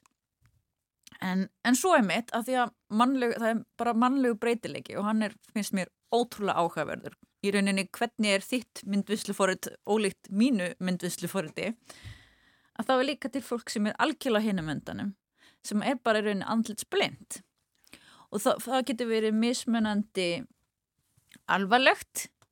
Ég er til dæmis sjálf en næstu því andlitsblind sko, ég get samt ef ég fæ nú mikið að tækifæran til þess að sjá fólk oft, oftar en einu sinni þá getur ég lært hvern andlit. En þetta getur verið mjög vandraðilegt þegar maður hittir fólk sem maður á að þekkja hefur ég að spjalla við það í marga klukkutíma. Og svo hittir maður aftur og maður er alveg blank. Já. og fólk getur á því múðgað. Og þetta er það sem fólk sem er andlisblind talar oft um því finnst það einhvern veginn verið alltaf að múðga fólk óviljandi. En þetta er bara eitthvað sem að sumir bara fólki alls ekki tamt. Þannig að En ef þú segir, þú getur svona, já, hittir fólk nú oft, svona, er þetta þá eitthvað sem er hægt að þjálfa upp í fólki? sko, það er búið að kanna það einhver leiti Já. og það virðist skila takmörkuðum árangri allavega þar sem fólk hefur reynd hinga til. Það þýðir auðvitað ekki að það sé aldrei hægt að finna neinar, neinar leiðir. Nei. En það er kannski eitthvað sem þyrti frekar að skoða. Uh, en en hérna vonandi er allavega hægt að gera eitthvað einhver tíma og það er auðvitað erfitt að gera það nema að skilja betur hvað er á bakvið þetta. Já, þið vitið ekki anþá hvað það er í heilanum sem veldur þessu, eða... Sko, það eru ákveðnar hugmyndir, það eru til dæmis sérstakar uh, svona sjónstöðvar í heilanum sem að virkjast mjög mikið við það að fólk horfa andlit. Þannig að fólk hefur verið að spekulari í því hvort að það séu kannski alveg sérstakar andlitskinnunastöðvar. Mm. En svo eru aðrir, þetta er svona rifrildi, aðrir sem að segja að þetta, þetta sé kannski bara að því að andlit hafa ákveðina einleika. Og ef við myndum vera að skoða einhver, einhverja aðra hluti sem hafa þessa sömu einleika, þá myndu þau kannski líka vera að nota sömu heilastöðu til þess. Um, og það virðist vera bara samkvæmt mínum eigin rannsóknum að, að þá, þá getur verið að fólk sem er andlisblind að það eigi í sérstökum vandræðum að þekki sundur aðra hluti sem að hafa þessa ákveðnu sjónrannu eiginleika sem andlit hafa líka. En þetta er eitthvað sem við skiljum ekki ennþá nógu vel. Já. Og við erum með þetta að fara á stað með frekari rannsóknir á andlitsblindu og við erum að leita bæði þáttakundum sem eru andlitsblindir og líka endilega fólk sem ekki er andlitsblind. Þannig að ég vil bara endilega hvetja fólk uh, sem að hefur áhuga og þetta er svona, við erum að fara að skoða svona heilabilgjur og svona, skemmtilegt uh, að hafa samband við okkur uh, myndi bara hafa samband við samstagskonu mína dýrlefu Fredriksdóttur, annarkvort með því að ringja í síma 698 25 86 eða senda post á dufsilonf1 at hui.is Já. Og þetta er eitthvað sem þið eruð að gera hjá uh, rannsóknar miðstöð um sjónskinjun. Já. Sem er starfrækt hér á landi. Já, sko aðal, aðal svona höfustöðuar okkar, hvað ég segja, eru e, við Sálfræðadeild Háskóla Íslands og þar eru við sérst, þrýr stjórnendur uh, af fimm uh, eru þar, þannig að það er ég, Heiða Marja og svo er Árni Kristjansson og Sabrína Hansmann Rótt. Svo eru, en þetta er í rauninni samstarfa millir þryggja íslenskra háskóla, þannig að Árni Gunnar Áskeisson er við uh, háskólan í Akureyri og Inga Marja Ólafsdóttir er við háskólan í Reykjavík.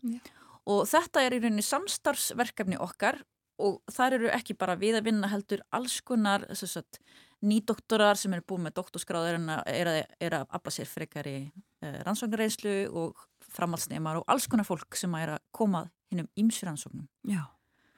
Og eru þið þá öll í þessu mitt þegar þið eru að um, bara skoða alla þessa fjölmörgu þætti sem geta komið þarna inn eh, í þetta myndlinslu forrið heilans? Já, mætti segja það á einn eða annan hátt þá, er, þá höfum við verið að gera það. En svo svona einstaka sinnum þá hefur uh, rannsókna mistum sjónskinin verið að færa út kvíetar svona aðeins í áttina einhverju öðru til dæmis uh, hefur, það, það var uh, samstætt til dæmis við össur sem að er, er að búti stóttæki fyrir fólk sem öllum sem er mist útlimi Mm. sem að uh, nú áður var hjá okkur uh, Vigdís Vala Valgestóttir sem er núna hjá Össuri hún var að, hún var að skoða hvernig þetta betur hanna, hanna svona fyrir fólk sem að, sem að í rauninni tekur tillit til hvernig, hvernig skinnjun fólks virkar og við Já. erum svolítið að skoða skinnjun fólks svo hefur rannsóknarmistu sjónskinu líka verið í samstarfi uh, við ætlum verkfræðinga sem hafa verið að, að reyna hanna uh, stóðtæki fyrir blind fólk. Það sem að vera að nýta sér uh, uh, í rauninni hvernig fólk getur séð í gegnum gegnum hljóð, hvernig hægt er að nýta hljóð til þess að taka sjónarnu upplýsingar og breyta það með hljóðupplýsingar Já. til þess að reyna að skilja heiminn. Þannig að, og svo er náttúrulega fullt af, fullt af hluti sem við gerum, er í rauninni bara að skoða hvernig, hvernig heilin virkar, hvernig hugurinn virkar uh, ekkit endilega til þess að til þess að nýta það byllinis en það vonandi getur nýst eitthvað til mann í framtíðinni mér langaði nefnilega svolítið að spyrja þig um það þú nefnir blind fólk og fólk sem ekki sér því þið eru þá kannski mest að skoða fólkið sem að sér og hvernig og af hverju og allt þetta sem þú ert búin að fara yfir en uh, hvað með fólk sem ekki sér? Já. Vitu við eitthvað um það? Svona hvernig þetta virkar? Sko, fólk sem ekki sér uh, það er náttúrulega samt yfirleitt með allan þennan búnað Já. allt þetta myndvinnslu fórið uh, og það, það er þá spurningum hvað það gerir Já. í staðin Akkurat. og, það hafa verið ýmsar pælingar um það að önnur skilningar við taki bara yfir þennan búnað hjá fólki sem ekki sér þannig að það er verið í raunina fyrir endurvinnslu og, og þá getur ef, að, ef að, þetta er ekki beinlýnins eitthvað sem ég hef verið að skoða þannig ég segi þetta með þeim fyrir en, en mér skilst að það sé þá þannig til dæmis að, að sjónsvæði geti farið að taka við eh, hljóðrannum upplýsingum og, og það getur þá vel verið að í sumum tilfellum getur orðið betri í ákveðnum skilningavitum kannski að því að þú fær tækifæri til þess að nýta þennan búnað sem að þú annars værir að nota í eitthvað allt annað. Já. Já, heilin er merkilegt fyrir bari. Þú ætlar að ræða um þessi mál, er það ekki e, á þessum fyrirlestri sem þú ætlar að halda síðar í dag? Já, ég er að fara að halda fyrirlestur um ímislegt þessu tengt í Læknagarði í uh, sal 201. Þetta er klukkan þrjú og allir eru velkomnir. Uh, ég mun tala á ennsku, þannig að fólk hefur það í huga, en ég ætla að reyna að hafa þetta eins aðgengilegt og ég get. Takk fyrir að koma til okkar og ræða við okkur um sjónina og, og það sem gerist í heilanum á okkur. Heiða Marja Sigurðardóttir, professor og sálfræði deilt Háskóla Íslands. Bara takk hella.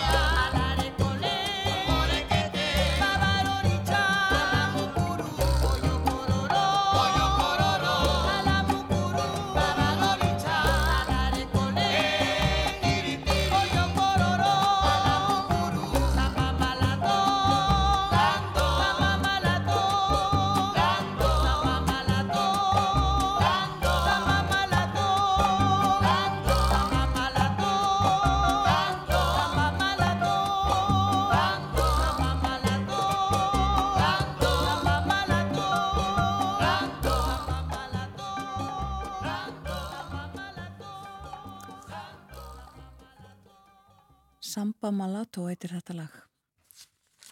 Lucila Campos. Hjá okkur var Heiða Marja Siguradóttir, professoru Sálfræðidelt Háskóla Íslands. Hún fæst við það að skoða sjónina, skoða uh, myndvinnslu forrið heilans. Það sem að uh, fer í gang í heilanum þegar við sjáum. Og uh, meðal annars hefur hún skoðað hugsína stól, fólk sem getur bara ekkit séð hluti fyrir sér í hugunum fólk sem er andlitsblind um,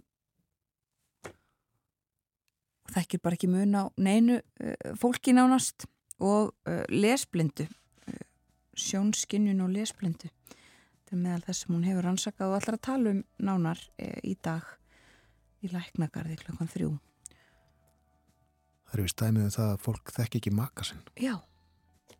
Greinan bara ekki á andlitinu. Og það er ekki alveg vitað uh, hvað er sem veldur þessu en þau eru að fara að rannsaka þetta. Ósku eftir fólki til liðsvið sig.